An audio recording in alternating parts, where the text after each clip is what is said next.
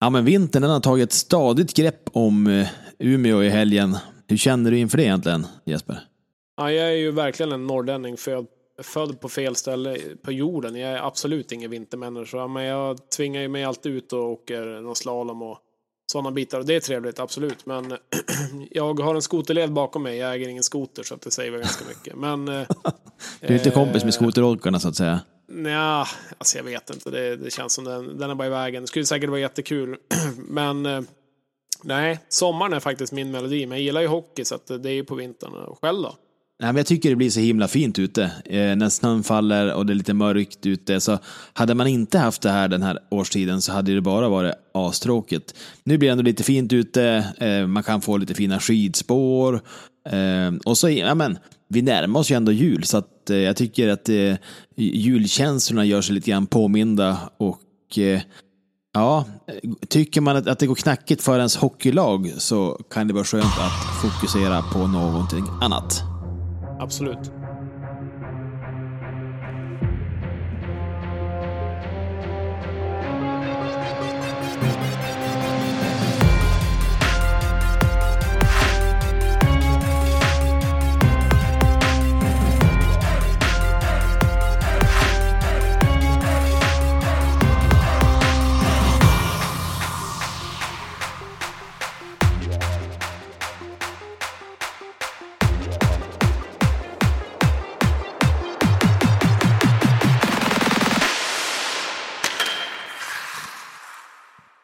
Ja, men då var det måndag och vi säger äntligen välkommen tillbaka till Supermåndag, programmet där vi i Radio 1970 går, tillbaka, går igenom det som hänt i Hockeyallsvenskan under den senaste veckan. Med mig, Emanuel Forslund, och på andra sidan så har jag min ständige vapendragare Jesper Nilsson.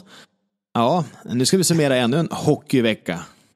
Ja, jag tycker veckorna Veckorna springer verkligen iväg, alltså det är helt otroligt. Så att eh, på det sättet är det ju positivt nu när vi pratar om vintern att november är snart över, en tung månad på många sätt. Så att eh, nu går vi mot ljusare och härligare tider och eh, det känns skönt faktiskt. Mm, det gör det. Eh, jag satte som en slags huvudfråga inför det här avsnittet som jag har gått och, och fnulat på de senaste dagarna. För att för våra kära Björklöven så är det verkligen berg och dalbana. Eh, vissa matcher tänker man att ah, det här är kanon och mellan varven så är det inte alls så himla bra. Och min uppfattning är att så där är det för väldigt många lag i serien just nu. Finns det något lag som mår riktigt bra, som känner att ja, men vi presterar som vi ska, vi är på den placering vi ska, vi, eh, ja, men vi levererar ungefär som förväntat. Va, vad tror du? Finns det laget i serien eller är alla lite missnöjda? Nej, det är väl typ så. Så är det något lag som kanske är absolut positivt nöjd med säsongen så är det väl, skulle det väl vara Kalmar då. Eh, om man skulle hitta något lag som ändå har gjort det överträffande bra. Annars så, mm, många förlorar och vinner lite om, om något annat. Så att jag tror inte det är någon som är så här supernöjd än så länge. Det tror jag inte. Men eh, ska jag säga något lag så ska jag nog säga Kalmar i alla fall. Ja, men Kalmar, jag skulle också kunna tänka mig att lyfta upp Mora i den kategorin. Eh, Mora som i, i, när vi spelar in nu här på söndagen så leder de med 2-0 Palmtuna och vi sa precis att ja, de har en match mindre än oss spelad och nu tre poäng bakom Löven. Så att det är väl kanske också ett lag som känner att de, de levererar, eh, ja men kanske som förväntat och till och med lite till, eller? Ja, absolut. Jag menar nu as we speak så spelar de mot Mora och leder med 2-0 eh, och det är väl inte så mycket kvar av den matchen. 12-13 minuter och eh, slutar det med en trepoängare där så är de ju tre poäng bakom just nu serieledande Björklöven och det är klart att eh, det ska de väl vara supernöjda med. Eh, de är inte alls topptippade på det sättet förutom att eh, såklart folk, folk, experter har de väl högt upp men att de ska liksom hamna ett och tvåa det är ju kanske inte så många som tror det så att det är klart. Och de är stabila också. Ja, och vet du vad som hände i den matchen? Eh, nej, det vet du kanske inte. Men men, men eh, Johan Persson har ju varit avstängd i vad är det, fem matcher, sex matcher. Ja, Han eh, får spela eh, idag och gör eh, Moras första mål i, direkt i, i comebacken. ja Får, får Mora igång honom så är det ju ett, ett till vasst vapen. Verkligen. Och eh, han har väl inte gjort så många baljor i år så att och göra mål direkt efter fem matchers vila nu. Man har ju typ glömt bort att han ens har varit borta så länge. Det är klart att det har inte pratat så mycket och skrivit så mycket om honom, men eh, man har som inte tänkt på att han fick en så lång avstängning. Nej, men precis, det var hans fjärde mål och eh, du kan få gissa vem som slog passen. Ja, Ljunggren. Absolut, självklart. Då var det Ljunggren som passade fram. Så att, eh, nej men eh, Johan Persson ska ju göra sina 20-30 mål så att det är väl på tiden att han varvar upp där nere i, i Dalarna. Så är det. Ja, absolut. Nej, det är imponerande att de ligger där de ligger. Men det är tajt i den absoluta toppen. Det är det. Men alltså jädrar vilken vecka det har varit. Eh, vi satt här och mässade lite grann tidigare och kommer fram till att det inte är så svårt att hitta hitta stoff till dagens avsnitt. För det har ju varit slagsmål på isen, det har varit matcher där de har kastat ut publiken. Eh, Björklöven har både vunnit och förlorat. Och ja, vart ska vi börja? Eh, jag vet inte, det är väl kul att börja med skandaler kanske, tänker jag. Så att om vi börjar där någonstans. Eh, ja. Eller skandaler, eller det som drar eh, uppmärksamheten. Eh, vi kan väl börja med Djurgården har ju varit ropet lite grann. Eh, de har ju haft lite kul på sidan av isen vad det verkar och eh, även på isen. Slutsignalen mellan Djurgården och Bofors där. Jag, jag förstod inte riktigt vad som hände där egentligen. Helt plötsligt är det bara storslaggigt. Sen kom man på att det var Bofors och så drog jag liksom den. Ja, det är väl så jäkla enkelt. Men jag vet inte om det var någon ful tackling eller om det var någon sån upprinnelse. Nej, men, hängde du med på det? Nej, men alltså jag såg att det var han, Djurgårdens Albin Greve som var inblandad i det där och han har blivit lite av en personlig favorit. Det är lite som en, en, en Hutchings tänker jag en riktig retsträcka som, som gärna uppviglar bråk. Och står då Karlskoga på andra sidan så tänker jag att då är det väl lätt hänt att det brakar iväg så där på slutsignal och, och blir ett slagsmål. Och eh, eh, vad jag förstod så fick båda lagen två spelare avstängda i tre respektive två matcher sådär rättvist fördelat.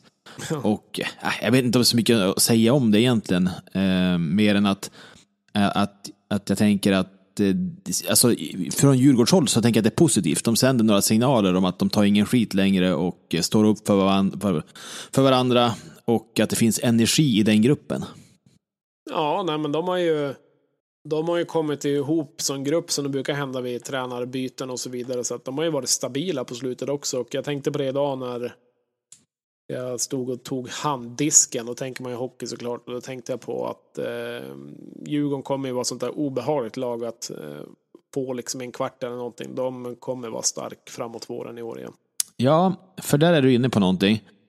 Uh, inför säsongen så sades det att, att den här eh, den här tabellen skulle vara ganska ojämn. Det skulle vara ett tydligt toppskikt, det skulle vara ett tydligt bottenskikt. Så har det inte blivit och eh, då kan man ju fundera på vad beror det på? Beror det på att serien har blivit sämre eller är det så att eh, de här eh, så kallade sämre lagen har prickat så pass rätt att de har närmat sig toppen? Och vad kommer det då innebära i ett slutspel? Eh, om matcherna blir jämnare, kommer den här första platsen ha lika stor betydelse som den har haft de senaste åren?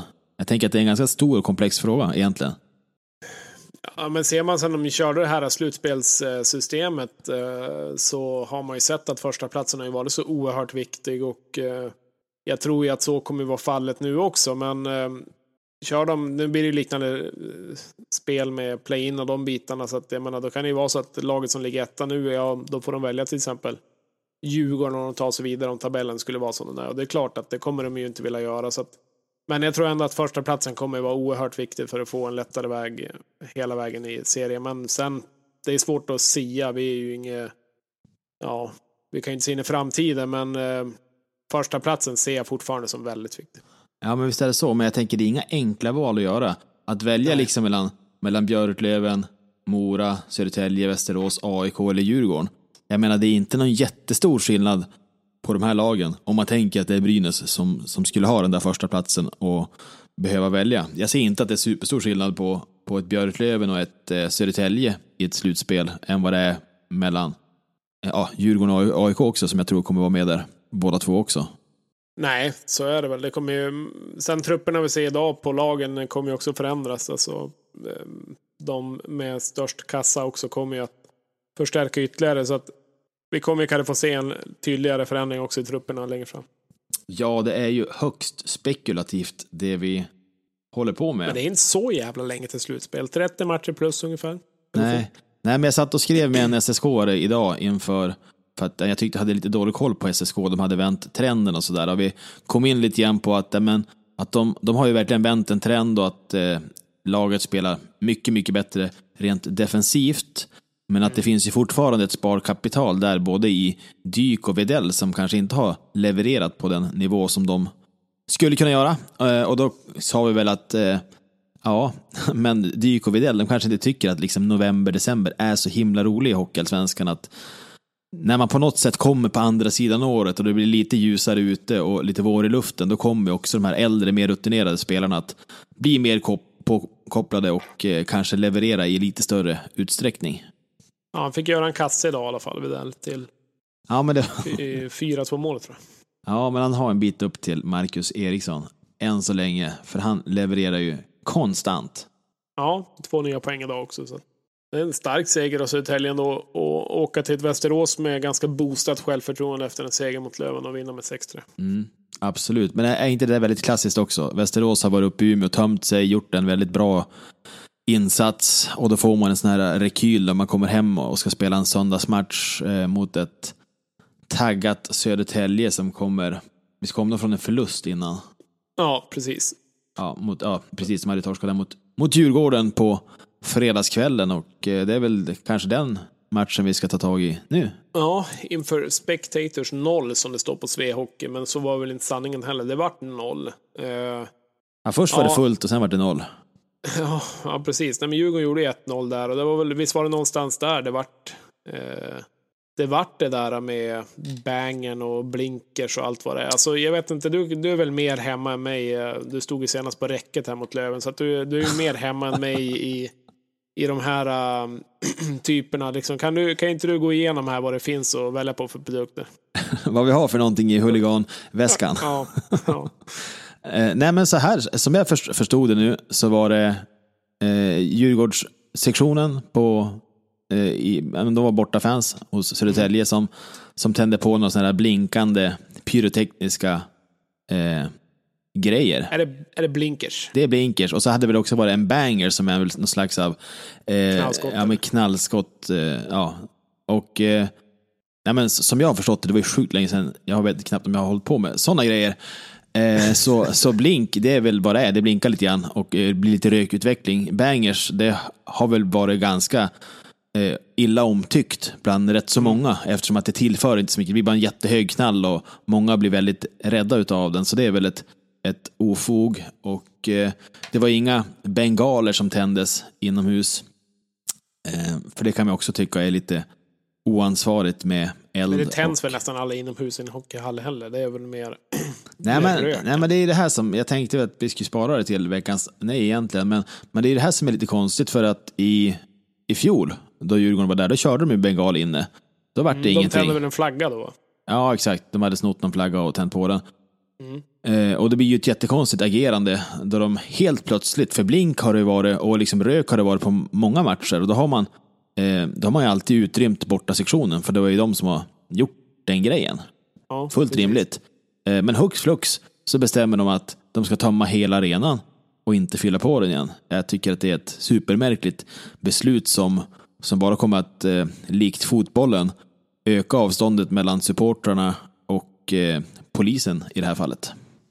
Ja, nej, men jag hade väl också tänkt att vi skulle ha den där nu. Vi behöver inte köra det sen, utan, men eh, det kommer väl ändå utnämnas dit. Men det, det blir ju väldigt märkligt. Alltså, som hemmasupporter, gå på hallen, eh, de som inte gör någonting oavsett om det är klacken eller inte, det blir ju utkastad och sen får du inte ens komma in igen. För nu är det ju utgång lika med hemgång, så att Eh, men jättekonstigt. Sen vet vi ju inte allt vad som har hänt såklart. Eh, alltså jag tänker om det fanns någon hotbild eller någonting liksom sådant, att de tänker på publikens säkerhet. Men annars tycker jag det är ja, otroligt märkligt. Och det är ju ändå ett beslut som är... Eh, det kommer ju ge effekt eh, framåt för alla lag i, i de här serierna när det, när det spelas ishockey. Och det här är ju inte första gången det här kommer hända. Så att, vad händer nästa gång när Lövenklacken är på en bortaresa till, inte fan vet jag, Östersund och drar igång en eh, banger eller liknande och eh, liksom det ska tömmas. Blir det tomma läktare då också? Eller liksom? Ja men exakt, för det, det är det här man hör, att men nu ska det bli någon slags alltså det blir inte sagt att det ska bli så, men man, inte otänkbart att Södertälje-fansen skulle vilja ha någon slags hämndaktion då nästa gång som, som de gästar eh, Djurgården på bortaplan. Eh, I Globen. Eh, Vilket inte är så konstigt heller. Nej, men jättemycket folk och är det så här lätt att utrymma arenorna så, så kan man ju sätta det i system om man är lagd åt det hållet. Och det, jag menar, ingen vill ju komma dit. Det är ju helt befängt att tro något sånt. Men, men eh, här öppnas ju ändå liksom en, en dörr för att det ska kunna bli på det viset och det är ju tragiskt. Så att jag hoppas verkligen att Hockeyallsvenskan, ordningsmakten och alla som är inblandade i det här eh, nu reder ut varför det blev som det blev och kommunicerar det så man kan få en större förståelse. Ja, och eh, Södertälje vart väl också lite missfördel. Det var väl sagt att det kom från båda hållen, men det verkar ju inte ha funnits någon, någon typ av bevis att det kommer från Södertälje håll heller, så att det var ju lite osanningar i det där. Jag tänkte på det, vi hade ju med Mondiel där och då sa jag det att nu blir det väl inga skandaler, men det här vart väl som en typ av skandal eller vad man ska säga. Sen var Hockeyallsvenskan involverad just i, i det här beslutet så, nej det är ju polisen och de bitarna, men det är ju Hockeyallsvenskan som får stå för det i alla fall. Ja, men så är det. Jag läste någon sån här sorglig historia om någon supporter till Södertälje som hade rest från Skottland. Ja, just det. För att se på den här matchen. Och då kan man ju fatta att åka från Skottland och så bara, ha, det var det det. Nej, men då tar vi pendeln tillbaka till Stockholm och Arlanda och flyger hem igen. Ja, men sen blir det också så här den sportsliga rättvisan lite grann. Eh, det är tajt match, Södertälje kanske vill vill vända och det är klart att kan du få göra det med publikens eh, skrikande och skrikande på extra utvisningar och allt ja, ja. vad det kan vara och, och liksom energin så att eh, publiken gör skillnad också så att det blir också fel kan jag tycka. Ja men så är det. Och eh, sist men inte minst så finns det ju ekonomiska incitament här. Alltså man kan ju tänka en fredagkväll fullsatt eh, Djurgården, Södertälje. Det är klart som tusen att eh, Södertälje säljer för flera hundratusen en sån här kväll som de går miste om. Så att vi säger väl typ något sånt här. Jag tror faktiskt inte. Nej. Jag tror faktiskt inte. Nej. Gånger två. Gånger två. Nej, men de är värda en dubbel nej här. Det är väl inte mer med det. Vem var det som fick den då förresten? Ja, men det var ju ordningsmakten tycker jag. Eh, det är de som har, har, har sjabblat till det här. Rättskiparna. Ja. ja. Yes. Ja, det blir intressant att se utvecklingen på det i alla fall. Mm. Det lär ju skrivas en del i veckan också, tänker jag.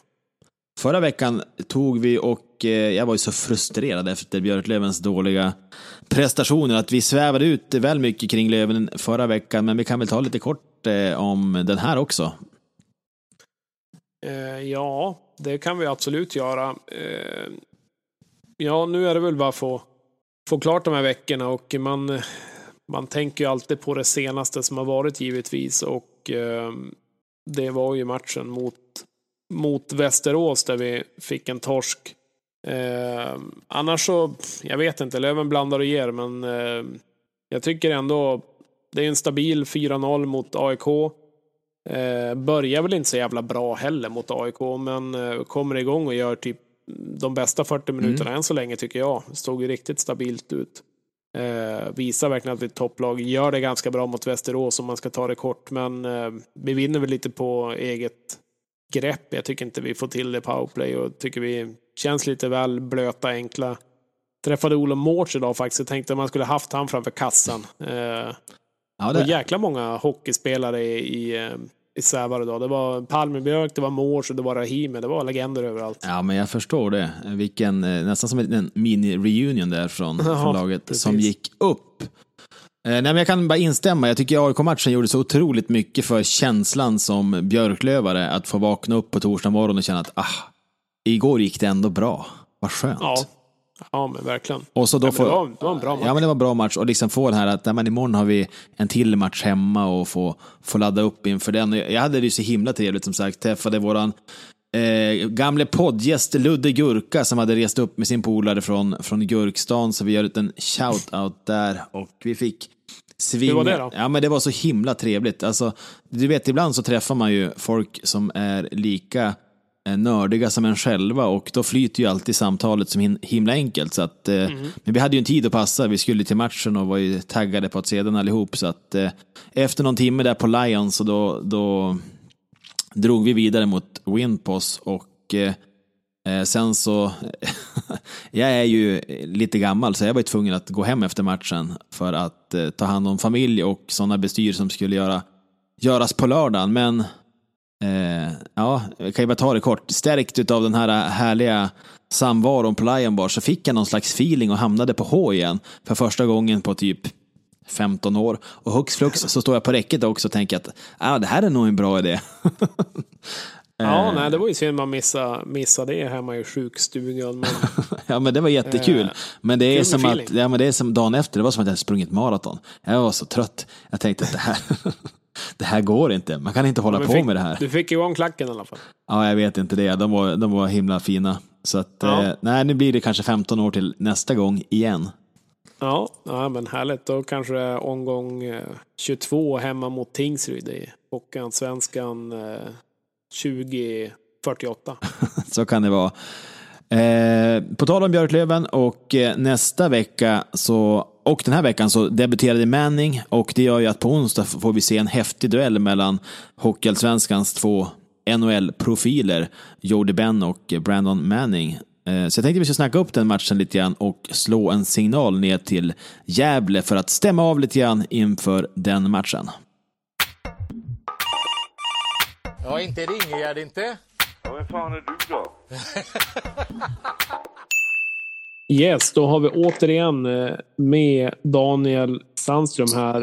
Eh, det var länge sedan. Det var väl just innan säsongen där när vi körde våra specialavsnitt när vi skulle gå igenom lite skikt i tabellen. Men eh, nu tänkte vi att det var läge och Brynäs kommer ju till Umeå här på onsdag och då vill vi ha lite extra koll på det givetvis bland annat. Och hur är läget med dig Daniel och varmt välkommen.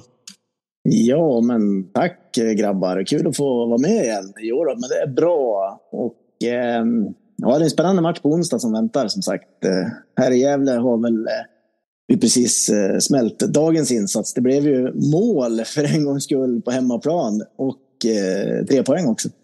Ja, men vi ska väl säga det, hur många, var det två eller tre matcher som, som Brynäs gick mållösa på he- hemmaplan? Tre hemmamatcher.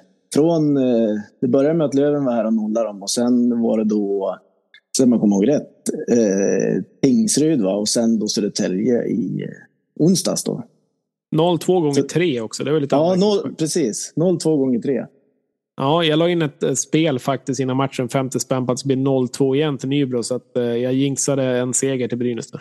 Ja, det får väl Brynäs-fansen tacka dig för det. ja, nej, men det hade varit för osannolikt om det skulle ha blivit 0-2 en gång till. Eh, Och att, eh, eh, målet som blev där, 1-0 målet, det var inte så att det var eh, helt solklart att den var inne än. Så att det, det var på håret att den ens gick in. Ja, ja, på tv gick det väl inte riktigt att se, va? men jag hoppas och tror väl att de, hade, de kunde mäta någonstans att hela pucken var över linjen. Ja, då, det, Det var i blev alla fall- inget, det det är var- väl inget snack om det. Nej, precis. Det var ju Mix Indrasis som fick det där och han har ju faktiskt eh, blivit, han har gått upp i poängliga topp nu internt såg jag och blivit lite av en någon slags eh, målkung här då. Så det är väl han Löven ska se upp med. Eh, oerhört ojämn i matcherna. Han har gjort fyra mål nu på, på, på två, två dagar, två matcher.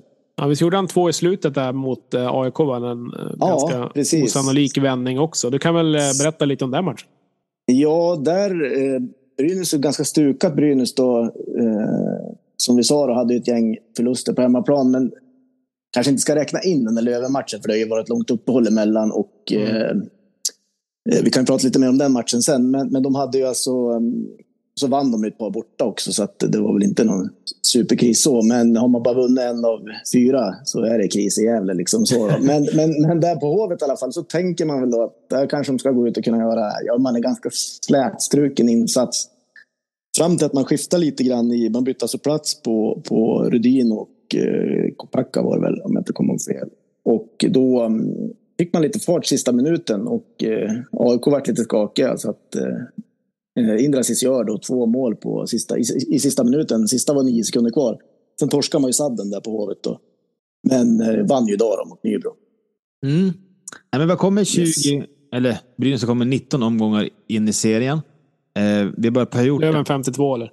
Ja, vi har spelat två matcher med just nu, men det har varit lite, ja, lite ojämnt eh, antal spelade matcher. Men eh, så här 20 matcher in i serien, hur är känslan i Gävle? För det har har gått bra, ni har legat i toppen, men min känsla är att alla är ändå inte helt nöjda. Nej, men det var ju som jag var lite inne på alldeles, eh, alldeles nyss, att eh, det är väl mer eller mindre kris. Eh, och inte ens det lilla jag hunnit titta lite grann runt på sociala medier och, och lite grann i vår live-rapportering. På tidningen Gävle Dagblad så, så var det väl inte några jätteovationer idag heller.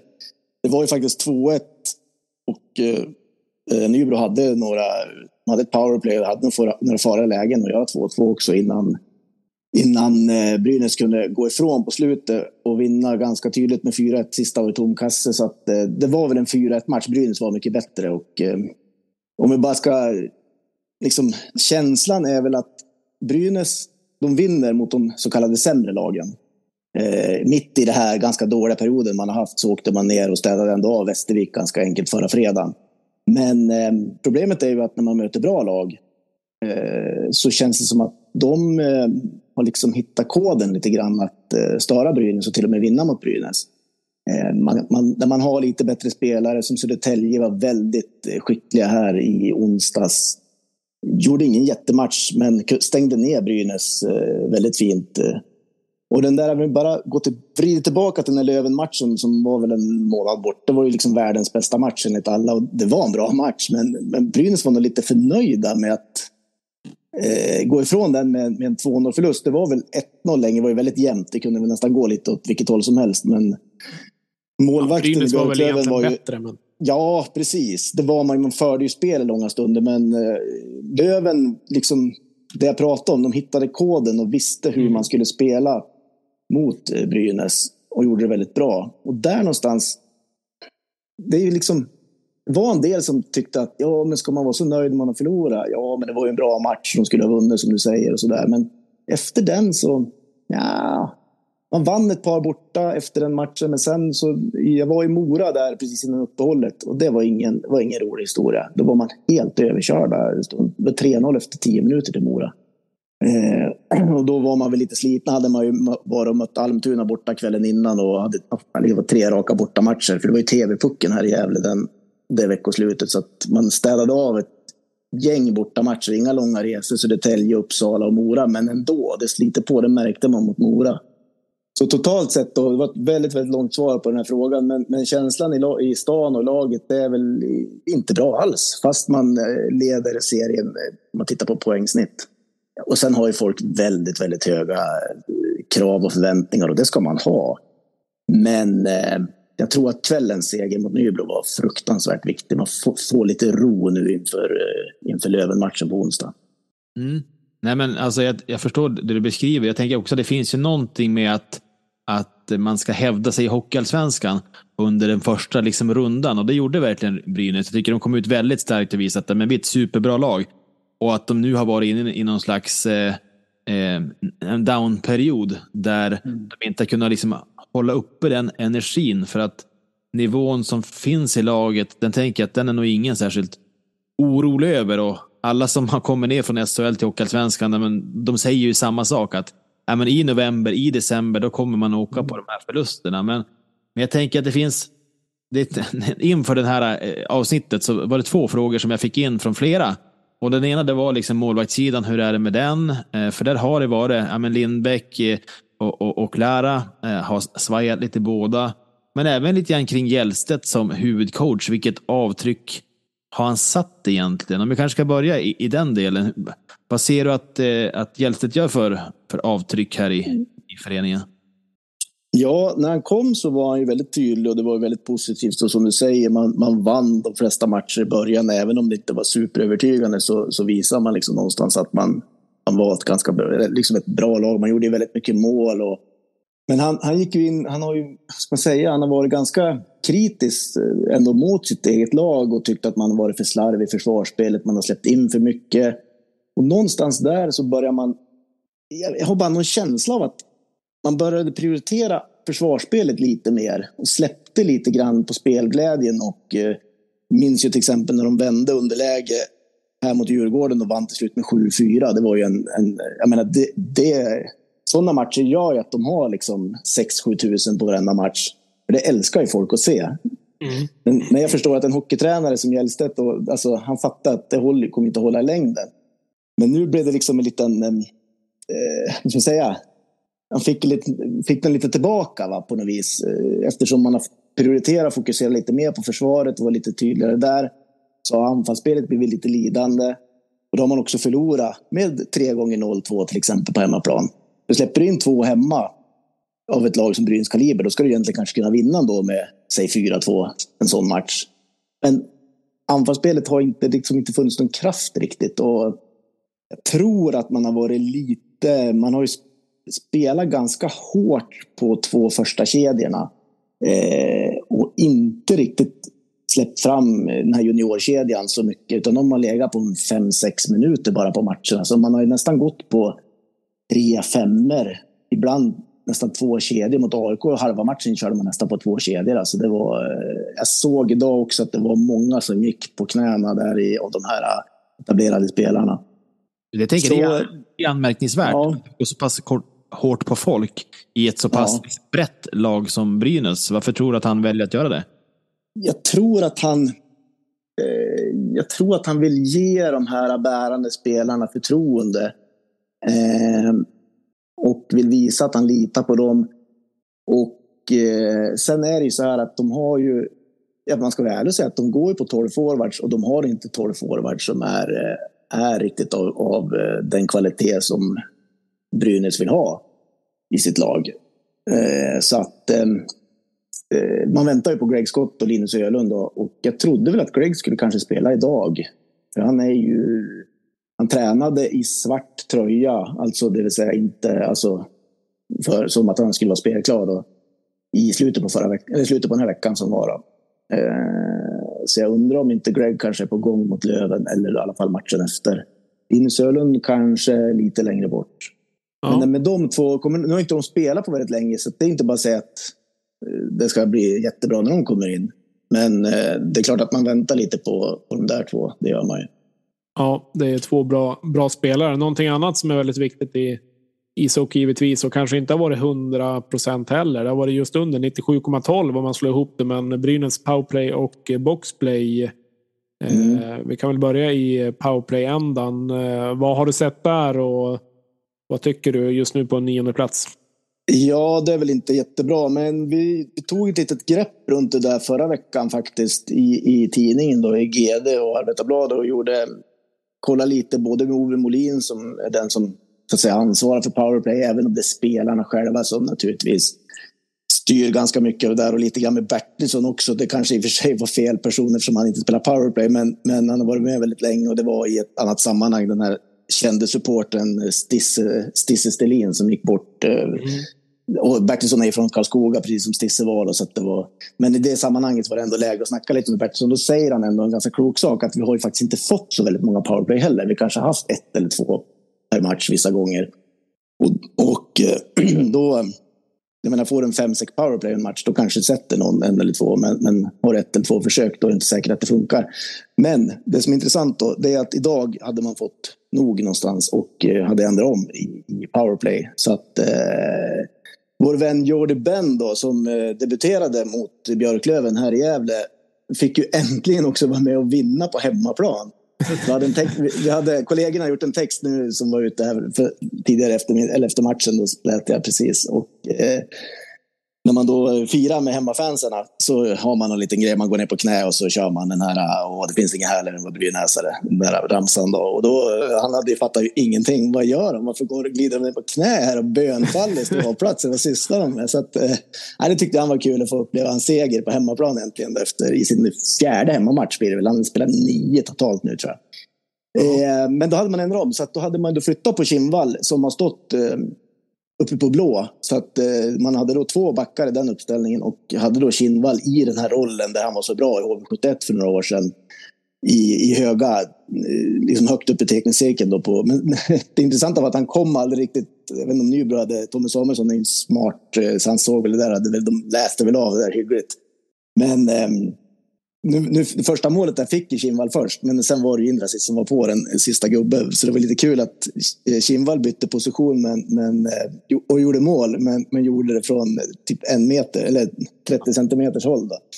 Ja, men så det var intressant. Där, fick man, eh, där har man ändrat. Och man gör ju faktiskt två mål i powerplay ikväll då, mot Nybro. Så att det var ett uppsving då och det blev lyckat. Så att där får väl Löven upp då med, med Brynäs nya powerplay, ska jag säga så. Ja, det ger Ja, oss men- en heads up. Det ska vi Ja. hålla. Men du, jag, ska backa tillbaka också till, till målvaktssidan. ja, precis. Vi var- glömde det. Mm. Ja, men alltså, hur går resonemanget där?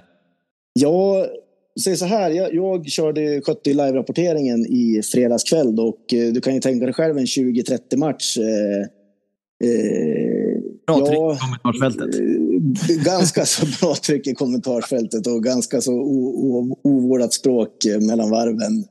Det är tur att man modererar, men då blir folk galna. Jaha, nu är man censurerad, eh, kommer det nästa gång när man tagit bort det. Men då får man försöka förklara att om det är 20 kommentarer i rad om hur värdelös Lindbäck är så, så kanske det räcker med att en eller två får skriva det. För det blir tråkigt för alla andra att bara läsa kommentarer om hur dålig han är. Nej, men det är väl den allmänna uppfattningen att eh, man, man Ja, det, räcker, det räcker inte i, ett, eh, i en finalserie eller ett slutspel eh, med de här två målvakterna. Tycker ju folk då eh, i gemen. Och eh, ja, jag vet inte vad Finns jag det ska någon sanning i säga. det? Ja, det, det, det gör det väl på sätt och vis. Det beror lite på, som jag sa, hur pass bra man levererar framåt. Men, men det finns ju en sanning i alla fall i att ska det gå långt i ett slutspel, då måste du ha en bra målvakt och ett bra powerplay och, och, och allt det där. Va? Och komma ihop som lag och vinna de rätta matcherna. Men, men det har vi ju sett väldigt många gånger. Så det är ju en sanning att du måste ha en målvakt som är riktigt bra för att kunna, kunna eh, ja, men vinna ett slutspel helt enkelt, och gå långt. Och eh, jag får väl en del kritik från, från våra läsare för att de tycker att jag försvarar Lindbäck och sådär. Och, och det kanske med all rätt. Men jag, jag tycker fortfarande att Lindbäck, han bör kunna vara på en högre nivå än han har visat hittills. Men jag tror att problemet är att han, han gör ofta någon liten, någon liten groda varje match. Han släpper någon billig här och var. Och det där sticker ju i ögonen på folk. Även om de vinner och så har han släppt någon puck så hamnar ju han i skottgluggen och han får mycket skit. Va? Det, det funkar ju så att ofta hittar du någon att gnälla på. Och ofta är det ju målvakterna. Vi har försökt också i texter förklara att ja, men om man inte får eh, i alla fall som Brynäs började i serien, då hade man ju spelet hela tiden och vann ju matcherna stort för man gjorde mycket mål. Då är det ju liksom, ofta kan ju målvakt vara riktigt bra när liksom allting kuggar i. Är det ett lag som är spelförande och målvakten får ofta ganska lite svåra matcher, då kanske det inte är helt enkelt och då, då kanske det slinker in någon puck som inte borde slinka in. Men jag tror vi hade Johan Alsen i våran podd, en intervjupodd här för, eh, ja det blir väl två veckor sedan nu då. Och han, jag menar vad ska han säga? Det, han, eh, är- det, får ju sällan eh, skit av din chef offentligt. Va? Så att, eh, det är klart att han tog dem i försvar, bägge sina målvakter, och, och, och var, var nöjd med dem utåt. Men jag, jag tror att bakom kulisserna så tittar man ju och funderar man ju. Men jag tror inte man kan, kommer att, att värva någon målvakt eh, nu. Precis på, kanske på den här sidan års, årsskiftet om det inte är något alldeles eh, tokigt som blir. Men jag, jag tänker att man har nog eh, ganska långa funderingar och eh, djupgående planer på hur man ska agera framöver. Om man inte ser att eh, Lindbäck börjar spela upp sig. Jag tyckte Klara var, han har varit rätt bra ändå när han kom in. Men, men det går ju inte att lägga ansvaret på en 18-årig italienare som är utlånad från Färjestad. Liksom, utan det är klart att Lindbäck måste upp. Det måste han. Sen är det ju sen har det blivit lite hattigt. Han, har ju haft, han var ju lite skadad där en period. Och så sen så um, blev han sjuk eh, vid något eller ett par tillfällen. Eh, och det där gör ju också att ja, men folk börjar glunka. Hur är det med han egentligen? Och varför, ja, det blir lite hattigt sådär. Va? Eh, Så det har ju inte blivit som Brynäs har tänkt att han skulle vara en superstabil förstemålvakt som skulle stå, för det, så var det sagt, att han skulle stå kanske en ja, 40 matcher och Klara skulle komma in lite här och var och avlasta om det är lite back-to-back och lite sånt. Va? Och där har man ju inte riktigt hamnat. Så det är ett problem också tror jag för dem. Nej, Jag vet inte om du har svarat på frågan. Det var och långt igen, men det är ju det är det podden är till för. Man ska få men veckla ut sig och veckla in sig. Absolut. Precis som du säger, att Brynäs kommer säkert att, att ha, hålla alla dörrar öppna. Men de, de har ju satt sig i en bra position. Eh, inför, Mm. Har liksom råd att ta sig den tiden att fundera. Och eh, Exakt. nu har vi en spännande match här på onsdag. Man undrar ju, åker du upp och bevakar den här eller blir det från hemmaplan? Eller hur ska du ta dig an eh, Björklöven-Brynäs på onsdag? Det blir från hemmaplan. Eh, jag snackade med min kompis Fredrik som bor i Umeå och eh, som ofta går på Lövens matcher. Vi pratade förra, eh, för några dagar sedan. Eh, men jag sa att vi, jag kommer upp sen när det blir, eh, när det blir slutspel. Då är jag definitivt där. Så, och sen eh, ska det väl, ska de väl mötas en gång till i Umeå också på, framåt, framåt, eh, efter årsskiftet. Va? Så att, eh, det kan bli då. Vi får se lite. Det är fortfarande lite, lite lunk över det hela. Så att, eh, eh, då måste jag flyga upp och, och ja, men det, det, blir lite, tar lite tid. Ja, jag förstår. Men det är en, en match som sticker ut och jag tänker att något som sticker ut i matchen är ju NHL-spelarna så att säga. Jordy Ben och Brandon Manning som får, får mötas för första gången. Tror du att vi får se någon sammandrabbning de här rutinerade karlarna emellan eller? Ja, jag måste säga Jordy Ben har varit extremt eh, snäll och eh, jag vet inte om det var någon som trodde att han skulle vara hård för och, och det är ofta så där när, man, när spelare kommer in så brukar ju och så youtubar man liksom den spelaren och då är ofta ligger ju sådana här eh, slagsmål och sådana såna highlights. Ja, men såna highlights ligger ofta högt på Youtube när man kollar. Så att, men han har ju varit, han, han, han visste precis vad som gällde här när han kom hit. Så jag tror väl knappt han haft en på någon kanske. Men han har faktiskt varit eh, det märkliga att han har varit ganska bra. Eh, lite, kanske fick någon liten reaktion för några matcher sedan. Men, men, eh, men samtidigt har inte laget varit speciellt bra. Att det, det går egentligen inte hand i hand. Så det blev väl som alltid när det kommer in en ny spelare. Nu är man liksom åtta backar. Anton Johannesson där har ju fått... Eh, har ju fått... Eh, kommer min fru in här och... Eh, vänta riktigt jag, läm jag lämnar rummet och går på ett annat. Har hon någon eh, eh hockeyexpertis att lämna? Äh, dåligt. dåligt. Eh, hon sålde popcorn vi gick på gymnasiet i Galrinken. Det var det närmaste. ja. Nej då. Men eh, jag var inne på... Men nu då? Nu försvann helt. Nu. Eh, jo, men... Eh, Jordy Benson. Jordy Ben. Jordy Ben, han... Eh, ja, så att, ja, men det kommer in, Anton Johannesson sa han har ju fått spela med juniorerna rätt mycket. Nu spelar de åtta backar idag. Nu har jag inte tittat istiderna exakt, men eh, Jordy får ju spela mycket och eh, eh, även då Bertilsson och Kimball naturligtvis den som kanske har varit den största besvikelsen på senaste tid på backsidan, det är Chad Billings. Han gör varken... Och han var ju, spelar ju inte powerplay idag, va? om jag kommer ihåg rätt. Nu. Så att han har varken varit bra offensivt eller defensivt. Det vet jag inte riktigt vad som har hänt. Nej. Nej, men som sagt, jag tycker det, det vi var inne på hela tiden. Det är två topplag som inte är helt nöjda som ska få drabbat samman i en andra match. Och eh, vi får säga stort tack än en gång för att du kunde gästa. Och eh, då får vi skjuta upp vårt möte än lite längre, men vi kanske ses i någon ishall här framöver under vintern eller våren. Det är väl, är väl risk eller chans, eller man ser att eh, Brynäs och Löven eh, trots allt kommer att stöta på varandra i, i, framåt vårkanten, va? Ja, det vore läckert. Det ja. känns, väl, känns väl inte omöjligt att det blir så. I så fall man kan se med i final. Precis, man kan väl bara säga det också till, till sist där att det är ju intressant att både Brynäs och Löven har haft sin lite downperiod samtidigt. För att det är väl Brynäs lycka någonstans att Löven inte heller har Ja, det är, ju, det är väl det vi grämer oss. Vi har ändå haft ja, chans att kunna gå, mm. gå ifrån, men det har inte riktigt ja. blivit i. Och nu kommer Brynäs ikapp med matcher också. Så att, eh, Precis. Ja, jag, tror att det, blir en, jag tror det kan bli en, en, en spännande match på onsdag och lite så här... Uh, så här men lite vägvisare och lite prestige och, och ja, vilka som vill vara lite i förarsätet framöver. Ja, nej, det blir väldigt, väldigt spännande. Det ser jag fram emot. Ja, superbra. Tack för att jag fick vara med igen. Vi, vi, det är bara att höra av sig igen så ja, Tack, tack själv Daniel. Kanon, hej.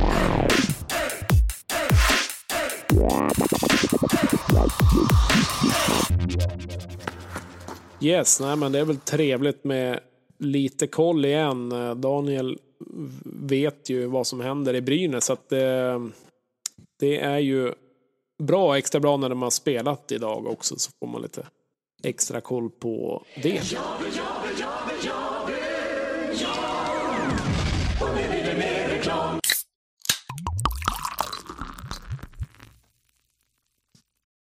Yes, facit bara och eh, vi har väl ganska likt tema den här gången och det börjar ju närma sig nu 26 december. I fredags var det en månad till jul. Vi eh, tog oss ut i garaget, jag och barnen, och bar in eh, vår, eh, våra julgrejer. Julgranen klev upp och så vidare. Och eh, det är ju härligt med lite julstämning, eller vad säger man? Ja, har, ni, alltså, har ni tagit in julgranen nu? Yes, det vart beordrat att göra det. Ja, det är ändå det är strångt. Eh, Ja, vi har också jobbat på lite här hemma, fått upp lite jullysen och jag är ganska svag för, för glögg. Eh, Så där hade man gärna velat haft med Emil igen och för att få höra liksom, vad, vad kan man göra mer med glöggen än att, att hälla upp den och ta en pepparkaka till. Jag tänker att eh, eh, expertisen borde ju veta eh, om lite andra varianter också. Ja, själv är man ju mer att man hittar en glöggflaska och så sätter man det på spisen och så värmer man upp det och så dricker man det så är det bra med det. Liksom. Och får man en pepparkaka får man vara glad. Men eh, jag var inte så jävla mycket till glögg tidigare, men nu har jag börjat tycka det faktiskt är jäkligt gott. Så att, eh, men facit, de kan ju det där bland annat och de kan ju givetvis det här med julbord också. Så att eh, in och kika på det. Så boka ett, eh, ett julbord, det tycker jag ni ska göra. Gör det, eller stick dit en vanlig vardag och dra en eh, plankstickshus. Det är ju fortfarande öppet. Som sagt, jag var där för ett par veckor och det var ju någonting utöver det vanliga. Så att det kan starkt rekommenderas här i decembermörkret. Så Ja, ta en, ta en liten lite besök innan seriefinalen på onsdag, vet jag. Ta inte han riktigt än, utan känn lugnet.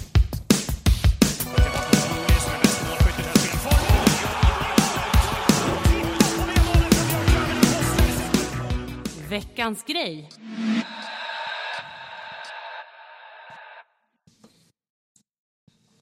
Ja, men veckans grej, det är väl på tiden att vi tar och gottar ner oss i allt härligt som har hänt. Och eh, ja, men det har ju hänt mycket. Eh, vill du köra Jesper?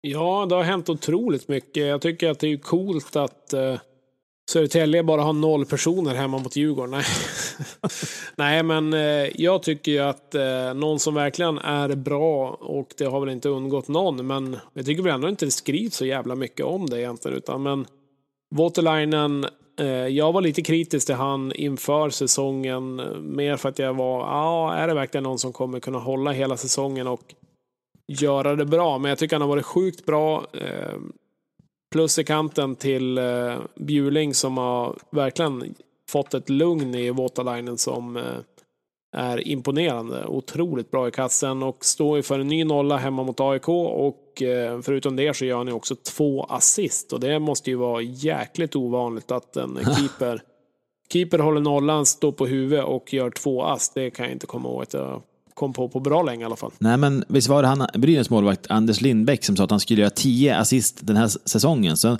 man blir ju lite nyfiken på vilken målvakt som le- leder liksom Hockeyallsvenskans poängliga. Jag tror att det finns någon sån statistikflik på, på Hockeyallsvenskans hemsida eller vart, vart ska man Ja, vända sig de- i den frågan?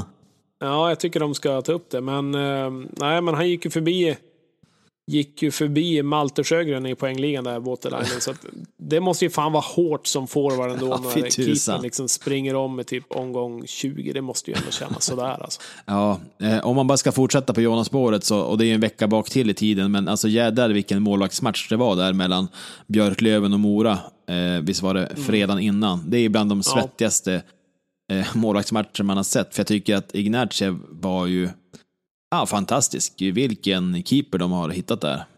Verkligen. Nej, det är ju, det är ju bara att hålla med. Och eh, jag ser nu också att Mora har 0-6 mot Almtuna och det är 40 sekunder kvar av matchen där. Så det ser ut att bli en eh, nolla vad det lider där också. Ja, men visst är det så. Det är ju, ja, snacka om styrkebesked så här på söndagskvällen. Eh, jag har ingen bättre nominering. Jag skrev upp Marcus Eriksson igen. Jag tänker fortsätta att nominera honom som veckans grej tills eh, någon annan petar ner honom från poängliga-toppen. För att det är fortsatt, eh, fortsatt starka papper där. Ja, nej men det är ju det är ju hög klass alltså. Det, är- ja, det hade varit kul att se honom i SHL ändå. Jag tror att han hade gjort det bra i något, något av lagen där. Alltså när man har sån där, eh, när man är så spelskicklig så då tar man det på små ytor också och eh, man gör sig den tiden eh, eftersom man har sån hög skicklighet. Så att eh, ja, det är ju otroligt att han har tagit sig an den här säsongen så pass eh, ändå i den åldern. Mm, han kommer få ett eget segment snart så mycket som vi pratar om honom. Ja, nej, men jag tycker man ska fortsätta prata om sådana lirare som ändå är kvar i en lägre serie än de borde lira i och eh, fortsätter göra poäng år efter år efter år. Så att, eh, Ja. det, är han, eh, det är han värd. Synd att han är så himla gammal höll jag på att säga. Men ja, det hade varit, hade varit kul att se honom i SHL. Nu tror jag inte det kommer hända, men, men, men så kan det vara. Han får komma till Umeå, det är väldigt fint där. Veckans nej utgår. Den, hade, den tog vi upp tidigare, men vi tänkte att vi ska köra en tävling även den här veckan. Men nu blir det en, en ny tävling med lite familjetwist, skulle man kunna säga.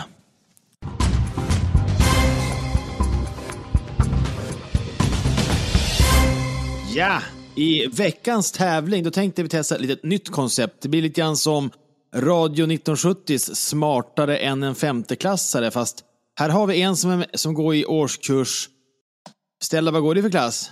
Tvåan, Och Theodor, du går i, ettan. I ettan och ni ska vara med i en tippartävling mot eran pappa idag. Ja, Hur men känns det? Men, bra, men det, men det laggade nyss. Ja, det är så där med internet. Ibland så laggar det. Och eh, ni har fått en uppgift idag att ni ska tippa matchen mellan Björklöven och Brynäs som är på onsdag. Eh, vilket resultat som det skulle kunna tänkas bli i den matchen. Vad har, vad har du för tankar inför den matchen, Theodor? Ja, men jag tror att det kommer bli bra ändå. Men det Björklöv. Många mål? Kanske två eller tre. Ett. Eller, eller Björklöven kanske får två eller tre. Och... Nej, men du måste säga exakt. Tre. Tre mål till Löven. Och Stella, vad tror du om Brynäs? Hur många kommer de att släppa in i den här matchen? Mm, jag tror eh, två mål. Okej då. Ja, men det vore ju toppen. För om det blir så, då vinner ju alltså Björklöven med tre poäng. Då är pappa glad och alla andra Björklövare glada. Eller hur? Ja.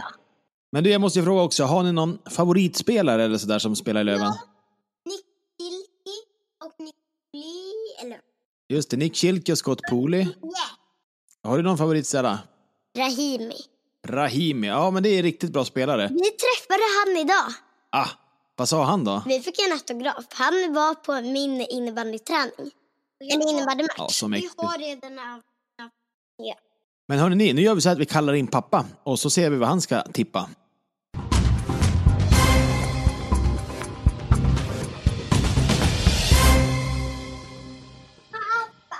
Jesper. Ja, det blir lite som vi i femman. Nu kopplar vi in Jesper här. Ja, precis. Eller som eh, det, På spåret. Nu är det dags för andra buren. Exakt. Eh, nej, men det här blir ju en tuff utmaning för dig. Jag tyckte de hade kloka resonemang. Eh, kidsen här, Nick Kilke, Scott Pooley, Rahimi, stora favoriter och eh, jag ska inte säga vad de tippade utan du ska ju få spekulera fritt nu vad du själv känner inför onsdagens match. Ja, de går, de går verkligen efter de som får mest, mest reklam utåt. De går inte efter liksom, de hårt arbetande spelarna. Utan det ska vara affischnamnen. Exakt. Ja, men jag tänker att du måste ju få tippa emot de här nu så att du också har ett resultat som vi kan ställa emot deras. Björklöven-Brynäs alltså. Ja, eh, stor tippare har man ju aldrig varit. Men jag tror faktiskt att eh, Löven har eh, ganska bekvämt ändå på hemmaplan. Så att eh, det var ett 0-2 senast var borta. Jag tror att Waterlinen står på huvudet igen. Utan jag säger en 3-0. 3-0 ja. Ja, men då stänger vi det spelet och så får vi återkomma med en liten utvärdering eh, till nästa vecka helt enkelt. Jajamän.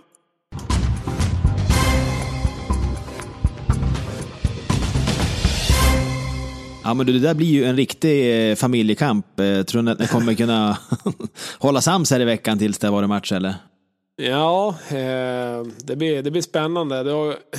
Stella mm, kollade och frågade vad jag hade sagt. 3-0. De gav ju någon hånfull eh, min som att nej, det kommer det ju absolut inte bli. Jag vet, jag frågade Theo tidigare någon match, typ, vad tror du det kommer bli? Då sa han typ så här 18-2, så jag tänkte att han skulle göra bort så här också. Men nej, de verkar hålla ner siffrorna. Ja, de förde ett fint eh, resonemang där och eh, på eftersnacket så kan man säga att de var taggade på att vara med i podd. Så det, det kanske blir ett återbesök här framöver, vem vet? Jajamän. Ja, men du, ännu en hockeyvecka har vi framför oss. Är det något speciellt som du ser fram emot sådär lite extra? Eh, nej, men givetvis. Eh, det går ju inte att sticka under stolen med att eh, Löven-Brynäs kittlar ju lite grann. Det blir kul att se, eh, se eh, hur den matchen kommer att vara igen. Det var ju otroligt tight sist, tycker ju Brynäs.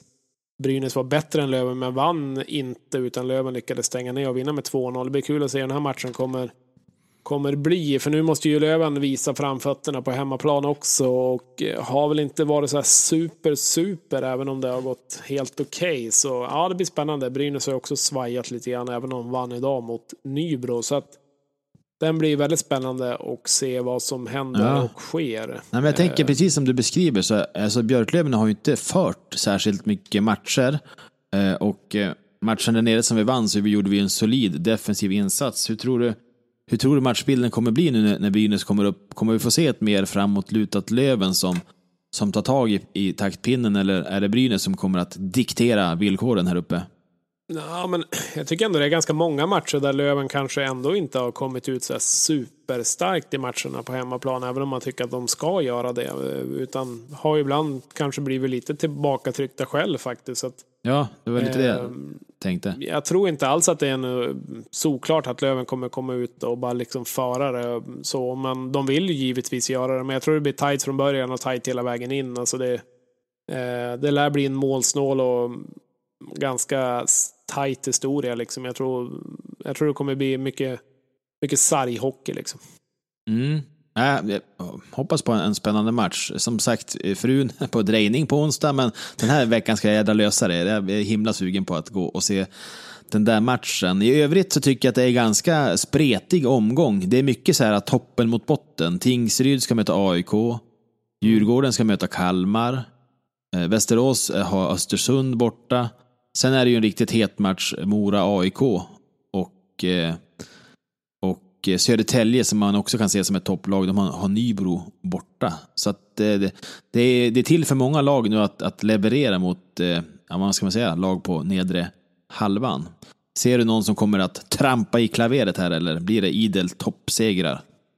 Nej, det kommer det ju inte bli såklart. Det brukar det aldrig bli, men jag tänkte det kan ju vara en vecka där nu har ju Löven fått vara i topp ganska länge, också lite dopade såklart med fler antal matcher. Men det kan ju vara så att när vi sitter här på söndag nästa vecka att vi har en annan serieledare, vin, eller serieledare om det vill sig till det sämre. Så att, eh, jag tror att vi kan få se lite skikt, eh, skiktningar i tabellen i alla fall. Eh, sen, eh, sen kommer det säkert bli tight. Folk kommer ta poäng av varandra lite grann. Så att, eh, ja, jag vet inte om Mora ska fortsätta gå, gå svinstarkt. Men annars så tror jag väl att eh, Djurgården fortsätter vinna hockeymatcher.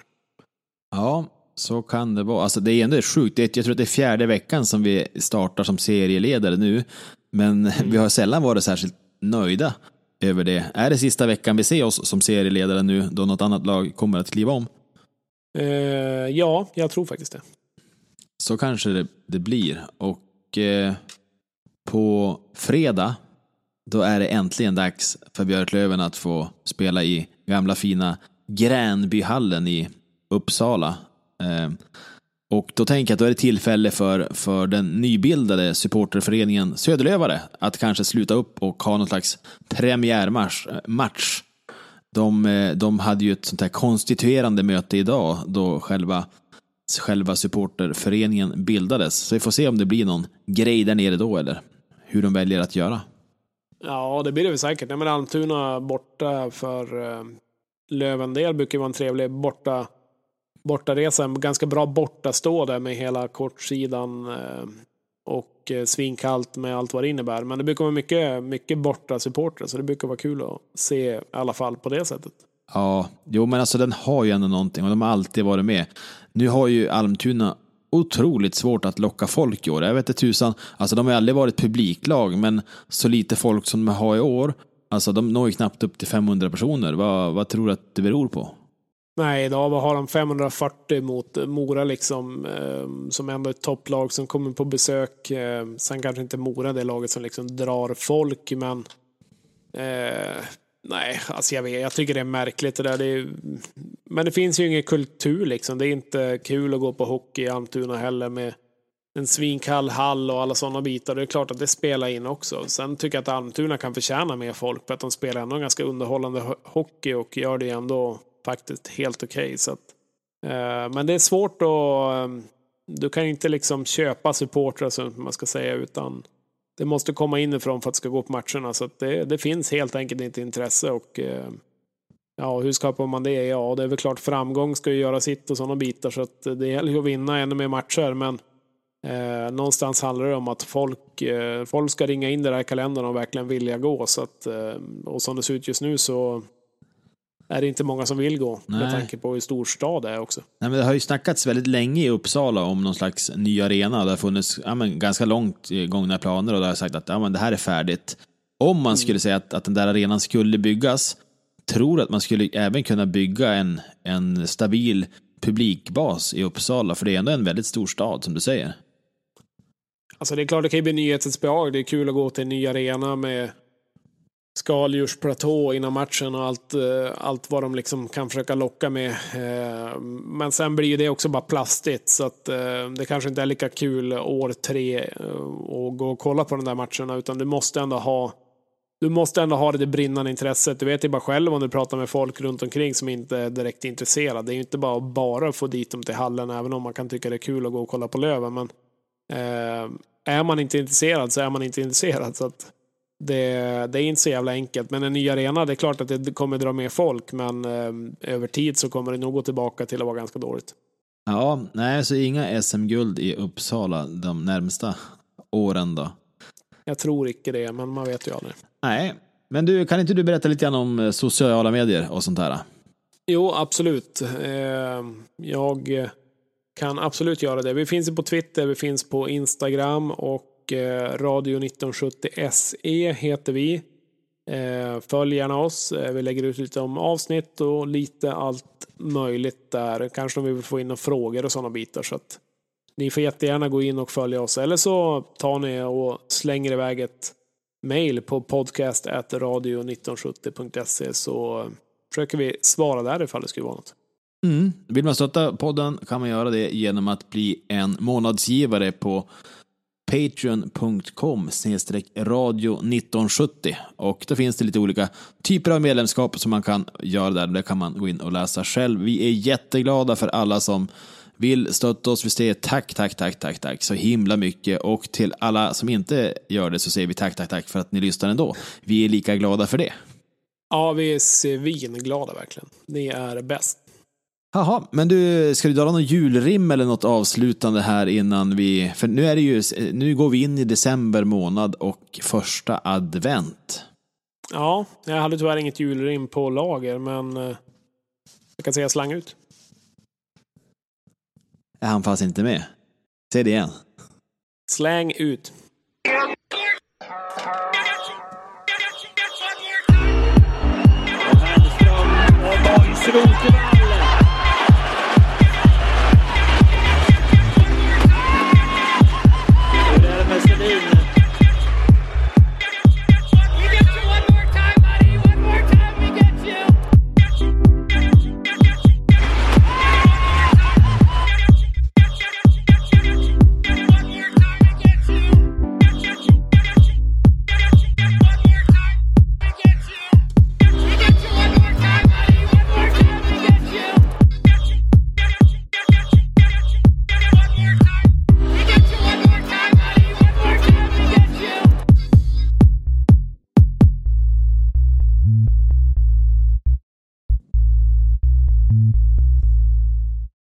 Snyggt. Då kan du pausa den lokala också.